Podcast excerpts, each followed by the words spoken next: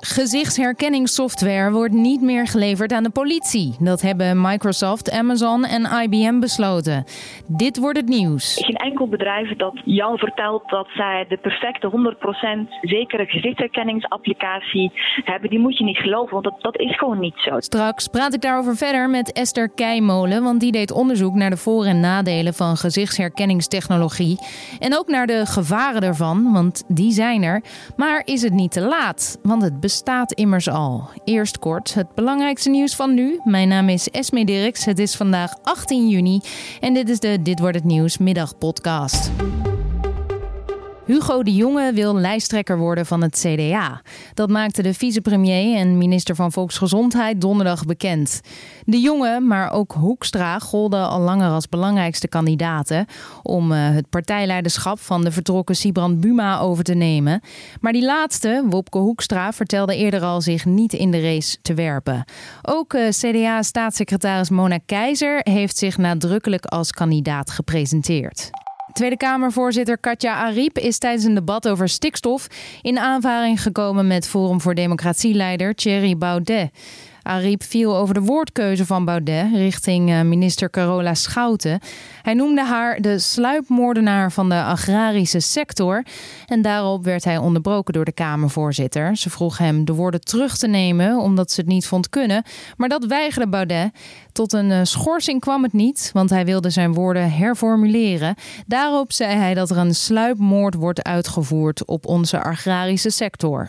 Het kabinet krijgt extra tijd voor de repatriatie van een Syriëganger die vastzit in een kamp. Eigenlijk uh, moest dat half mei al gebeuren, oordeelde de Rotterdamse rechtbank. Maar doordat justitieminister Vert Grapperhaus haar wil vervolgen in Nederland, krijgt de staat zes maanden extra de tijd. De zaak draait vermoedelijk om Ilham B. Zij vertrok in maart 2016 om zich aan te sluiten bij uh, terreurorganisatie Islamitische Staat. En zij wordt verdacht van het plegen van een terroristisch misdrijf misdrijf. Nepal stemt in met een nieuwe landkaart. Daarop zijn ook regio's die formeel bij India horen toegevoegd. Het gaat om drie regio's van in totaal 400 vierkante meter. Ja, de buurlanden liggen al meerdere decennia met elkaar in conflict over het gebied. India wijst de kaart dan ook af, want volgens dat land is de nieuwe kaart van Nepal niet gebaseerd op historische feiten of uh, bewijs. Maar volgens Nepal is de grens die het land nu trekt gebaseerd op de grens die het Verenigd Koninkrijk in 1816 trok. De Britse zangeres Vera Lynn, die tijdens de Tweede Wereldoorlog de bijnaam The Forces Sweetheart kreeg, is op 103-jarige leeftijd overleden. Ze overleed donderdagochtend in het bijzijn van haar familie, dat meldt de BBC. De zangeres werd in 1917 geboren in Londen als eh, Vera Margaret Welsh. En tijdens de Tweede Wereldoorlog was ze de favoriete entertainer van soldaten. Dat bleek uit een poll in 1939 en dat leverde haar dus ook de bijnaam de Forces Sweetheart op.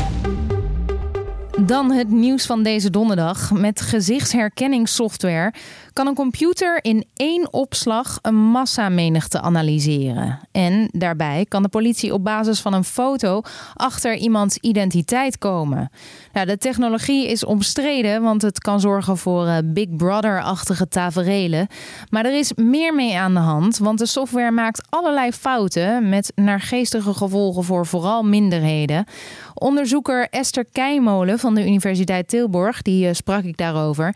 En zij vertelt eerst even in hoeverre er in ons land al gebruik wordt gemaakt van deze technologie. In Nederland zitten we eigenlijk in, een, in de experimentele fase. Het is niet zo dat als je de deur uitloopt, je gelijk door een slimme camera wordt gevolgd of gelijk wordt geïdentificeerd. Um, en we zien over het algemeen dat bedrijven nog wel terughoudend zijn om gezichtsherkenning op grote schaal te gebruiken. Wat we wel zien is dat ja, kleine try-out op de kleine schaal kijkt men of het gebruikt kan worden bijvoorbeeld om toegang te krijgen tot een conferentie of tot een uh, gebouw. Um, sommige slimme deurbellen hebben een gezichtsherkenning uh, functionaliteit. Dus je ziet zeg maar op kleine schaal her en der wordt het uh, toegepast. Dus langzaamhand sluipt het onze samenleving binnen. Ja. Hoe werkt gezichtsherkenningssoftware? Eerst en vooral is het nodig om um, zo'n algoritme dat uh, jou gaat identificeren, um, dat moet zeg maar, zo'n model dat moet getraind worden. Dus je hebt trainingsdata nodig. Dat is eigenlijk een heel belangrijke voorwaarde. En trainingsdata, dat zijn beelden, uh, foto's, uh, die gebruikt worden om zo'n model, zo'n gezichtsherkenningsmodel, eigenlijk te, te leren iemand te, te, te, identificeren, te herkennen. Dus gewoon foto's van mensen? Ja, en dat is al op zich interessant, want waar komen die foto's dan vandaan? Hè? Ik heb nog nooit in mijn leven een foto afgegeven, willens en wetens, om uh, te laten gebruiken voor gezichtsherkenning. Maar de kans is erg groot dat ik ergens in een database zit die gebruikt wordt om uh, gezichtsherkenning uh, technologie te trainen.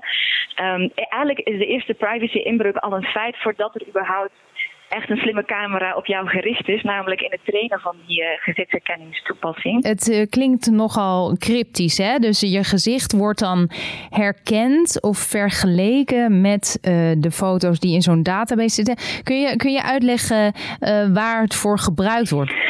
Ja, dus ik denk dat het is goed om onderscheid te maken hè, tussen politie, politie en, en uh, bedrijven. In ons onderzoek hebben we met name naar bedrijven gekeken. En um, daar zie je dat het uh, wordt gebruikt als een soort van efficiëntieslag. Het is handiger om iemand uh, via, via een te, te identificeren. Uh, bijvoorbeeld als je naar een conferentie gaat en dan kan die snel doorlopen, hoef je niet in de rij te staan. Um, bedrijven gebruiken het ook, niet zozeer in Nederland, maar bijvoorbeeld in Amerika, in China, om uh, bijvoorbeeld terugkerende klanten te, te, te, identificeren en die bijvoorbeeld real-time persoonlijke aanbiedingen te, te, te doen. Dus dat zijn allemaal toepassingen in de commerciële praktijk, in de horizontale relatie dat dan? Kijk, in de verticale relatie uh, kan natuurlijk vooral gebruikt worden voor uh, controle en handhaving, dus voor beveiliging ook.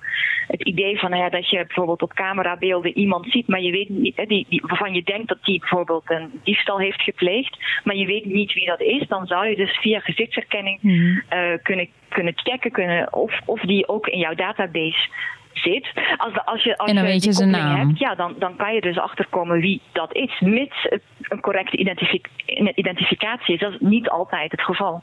Nee, want het laat nog wat te wensen over. Ja, en daarom, uh, daarom kant IBN zich nu ook tegen, tegen het gebruik van deze technologie. Ook Amazon waarschuwt en, en ja. die stoppen met het ja. leveren aan de politie, althans tijdelijk. Uh, ja. Microsoft doet er ook uitspraak over. Wat, wat, is er mis met de technologie op dit moment? Nou, het is op zich natuurlijk echt interessant dat die bedrijven die in principe. Um, ja, een deel van hun, van hun businessmodel eigenlijk even op, op stop zetten. Dat die daarvoor uh, voor kiezen. En niemand, geen enkel bedrijf dat um, jou vertelt dat zij de perfecte 100% zekere gezichtsherkenningsapplicatie hebben, die moet je niet geloven, want dat, dat is gewoon niet zo. Er zijn altijd, uh, het is een kansberekening, er zit altijd een, een foutmarge op. Um, nou, terug, dat is al het eerste. Dus, dus, dus 100% zekerheid zal je niet krijgen met die gezichtsherkenning. Um, ten tweede, wat ik net zei over het feit dat, dat die um, gezichtsherkenningstoepassingen die worden getraind op data. Nou, nu blijkt dat dat heel vaak foto's zijn van, uh, van witte uh, mannen. En dat is gevolg dat als je um, uh, een, een, zwarte man bent of een zwarte vrouw bent, meer kans loopt om foutief geïdentificeerd te worden. Dus er zit eigenlijk al een bias in, in dat systeem zelf. En dat blijkt heel hardnekkig om, om eruit te krijgen. Um, ja, dus het doet eigenlijk aan uh, raciale profilering, maar die, die klopt eigenlijk niet. Betekent dat dan dat stel er wordt iemand gezocht voor moord en um, ik lijk daarop en uh, mijn foto zit in het bestand van de politie, hè, bijvoorbeeld van zo'n bedrijf afkomstig als Clearview, mm. uh, dan zou het kunnen dat ik word aangemerkt door de computer, door de software als degene die die moord heeft gepleegd. Alleen maar omdat ik daar bijvoorbeeld op lijk. Ja, in principe is dat, is dat inderdaad mogelijk. Bedoel, als je, als je de, de pech hebt om, te, om uh, te lijken op iemand die verdacht wordt en je zit in dat systeem en, en uh, het algoritme heeft het fout, ja, dan, dan kan dat. En uh, dat is een van dat is een, ja, een, natuurlijk een heel gevaarlijke situatie. En dat we ook weten dat mensen toch geneigd zijn om heel erg veel vertrouwen te hebben in dat soort van technologie. Als, het, als de computer zegt dat het zo is, dan, dan zal het wel zo zijn. Ja. Um, um, qua van artificial authority dat je een bepaalde autoriteit toedicht aan, aan technologie. Uh, dus een van de cruciale vragen is inderdaad van ja, hoe zorg je, als je al zou willen dat je dat gaat gebruiken, dat, dat is er nog maar de vraag, maar als je dat soort van technologieën zou willen gebruiken, ja, hoe kan je er dan voor zorgen dat er genoeg checks en balances zijn, dat mensen niet blindelings daarop vertrouwen, maar uh, ja, genoeg onderzoek blijven doen om niet zomaar iemand op basis van louter zo'n uh, geautomatiseerde herkenning, iemand van de straat of iemand uit je huis op te halen. Ja, dat is een hele goede, goede vraag. En waarom is het zo dat de software uh, witte gezichten beter herkent dan die van minderheden? Komt dat puur door die toevoer? Uh, komt dat puur door de foto's die er worden geoogst? Het heeft absoluut te maken met, met de soort foto's. Dus daar zijn ook wel initiatieven geweest om diversere datasets aan te leveren. Om op die manier dat te verbeteren. Het heeft ook te maken met, met belichting. Um, dus er zijn ook wel een aantal technische aspecten die dat bemoeilijken. Je zei belichting, wat bedoel je daarmee? Nou, kijk, eh, op het moment zeg je maar dat, dat een uh, gezichtsherkennings. Uh, model. Dus je werkt eerst met, met een, een, foto of een afbeelding. En die wordt naar een systeem gebracht. En daar worden eigenlijk allerlei punten aangeduid die, die belangrijk zijn om, om identificatie mogelijk te maken. Bijvoorbeeld de afstand tussen iemands ogen of de neus en dergelijke. En de kwaliteit van die foto uh, bepaalt mede of dat heel accuraat gebeurt, ja of nee. Um, dus de belichting van een foto uh, maakt uit, zeg maar, dus de kwaliteit van de foto maakt uit of, het, uh, um, of de identificatie al dan niet goed kan plaatsvinden. Ja, en er is ook nog gebleken dat er met foto's van zwarte vrouwen de meeste fouten worden gemaakt. Uh, waarom dan ook nog specifiek vrouw? Nou, dat komt wederom zeg maar, omdat er meer mannen in de dataset zit. Dus als je het zeg maar traint met name met foto's van mannen, dan is het dus ingewikkelder om een vrouw te herkennen als je traint met uh, veel witte, witte uh, personen, wordt het makkelijker om, of moeilijker, sorry, om, om, om een zwart persoon te, te herkennen. In hoeverre um, is er nu in ons land wetgeving rond uh, deze technologie? Er zijn allerlei vereisten, maar een belangrijke eis is dat je ook aantoont dat het niet op een minder invasieve manier kan. Hè. Stel bijvoorbeeld, hè, je wil een, de toegang tot je hotel regelen met gezichtsherkenning dan kan je wel zeggen dat het heel efficiënt en de wachtrijen wordt minder, et cetera. Maar dat kan je natuurlijk ook op veel minder uh, privacy-invasieve wijze regelen. Je kan ook prima inderdaad gewoon iemand aan de balie hebben staan. Dus je moet wel een soort van kunnen aantonen dat, dat je die gezichtsherkenning echt nodig hebt om een bepaald doel te bereiken. En um, de Nederland, Nederlandse overheid bijvoorbeeld in de uitvoeringswet van, van de AVG zegt, nou ja, bijvoorbeeld het beveiligen van een kerncentrale. Kijk, daar kan je je voorstellen er staat zoiets belangrijks op het spel, namelijk de beveiliging. Hè? Geen nucleaire ramp in Nederland. Nou, daar willen we wel gezichtsherkenning voor uh, toepassen. Ik bedoel, bij een kerncentrale kan je je voorstellen dat het echt heel belangrijk is dat er maar een heel klein aantal mensen toegang krijgen tot bepaalde onderdelen van een kerncentrale. Omdat dat, ja, als dat misgaat, dan heb je natuurlijk een enorme ramp. Ja, ja. Dus daar staat er echt iets enorm op het spel. Uh, en, en, dan zeg maar is zo'n zwaar middel als gezichtsherkenning uh, misschien wel iets ja. wat je zou willen, maar... willen toelaten. Dat is een heel ander verhaal dan, dan zeg maar de toegang tot een zwembad, bij wijze van spreken. Hoe zorg je er dan voor dat, dat we die grens niet overgaan? En waar ligt eigenlijk de grens, wat jou betreft? Even denken, nou, je had een paar jaar geleden in, in Rusland. Uh, had je die gezichtsherkenningstoepassing en die was gekoppeld aan uh, V-Contact, wat het een soort van Russische Facebook is. En dan kon je met gezichtsherkenning als het ware, nam je foto van iemand op de tram en dan kon je kijken uh, waar, weet je, op, op het social network uh, wie dat was en waar die vandaan kwam. En wat je toen mm. kreeg was dat mensen bijvoorbeeld gechanteerd werden of lastiggevallen werden. Uh, omdat ze op die manier werden herkend. Dus dat is, lijkt mij een heel vervelend uh, uh, iets. Um, wat mij ook heel vervelend lijkt, is dat je um, op basis van die gezichtsherkenning um, ook. En met name als het woord gaat, woord emotiedetectie, wat ook een soort van een vorm van gezichtsherkenning is. Dus dat, ja, dat eigenlijk wordt afgelezen van je gezicht of je ergens blij, niet blij, uh, of je moe bent, of je aandachtig bent. Dat die informatie wordt gebruikt om jou nou ja, in de meest positieve zin van het woord te verleiden, maar misschien in de negatieve zin van het woord hè, te manipuleren. Ja, in de winkel bijvoorbeeld, hè, dat je bepaalde aanbiedingen krijgt omdat je net, uh, nou ja, uh, misschien hongerig bent en dat je dan, weet je, wat richting de, de, de, chocolade sturen of de duurdere dingen sturen. Um, ja. Dat je eigenlijk gemanipuleerd wordt, dat, dat lijkt me persoonlijk iets wat, wat ik heel onaangenaam zou vinden. Ja. Nou, de technologie is er. Uh, Hoe lang kun je het in de koelkast stoppen? Um, maar ik denk echt dat er een rol weggelegd is voor, uh, voor de overheid om, om veel helderder te zijn in, in wat de Nederlandse positie uh, hierin is. Hè. Wat mij echt heel erg verbaast is dat wij die discussie in Nederland eigenlijk nog niet echt voeren. Misschien komt het omdat we het nog niet zo zien gebeuren, die gezichtsherkenning, dat we denken, nou dat is iets voor in Amerika of in China.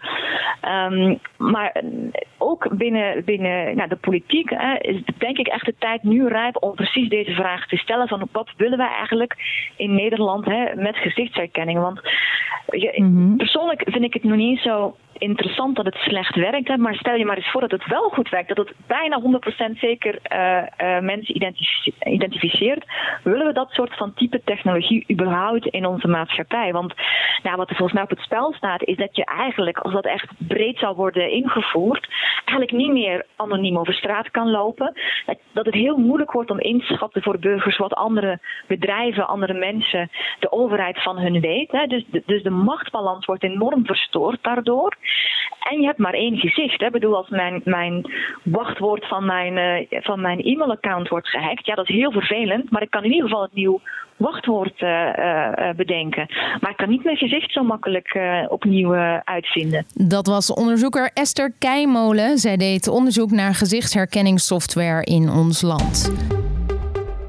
En dan het weer. Het is vooral in de noordelijke helft van het land bewolkt en er valt uh, buiige regen. De regen trekt inmiddels wel weg richting het noorden. In het midden en het zuiden schijnt op veel plaatsen de zon. Maar vooral in het zuiden kunnen vanavond nog regen- en onweersbuien ontstaan. Het is uh, eh, 19 tot 23 graden en er staat een zwakke tot matige westenwind. Morgen is er uh, flink wat ruimte voor zon, maar in de middag ontstaat dan ook wel weer een bui met mogelijk plaatselijk onweer. Het wordt 18 tot 21 graden. En in het weekend blijft de kans op een bui aanwezig. Maar aan de temperatuur verandert niets. Dus het blijft warm. Dit was de middagpodcast van Dit wordt het nieuws. We zijn er morgen weer.